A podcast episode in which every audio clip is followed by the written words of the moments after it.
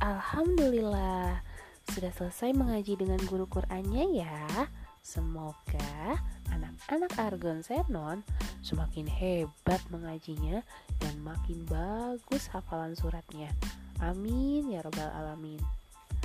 Oke, Argon Senon, sekarang kita lanjutkan kegiatannya yuk. Nah, tadi kalian sudah menyiapkan alat bahan untuk bermainnya kan? Kalau begitu, alat bahan tersebut sekarang kalian siapkan kembali dan kita akan bermain.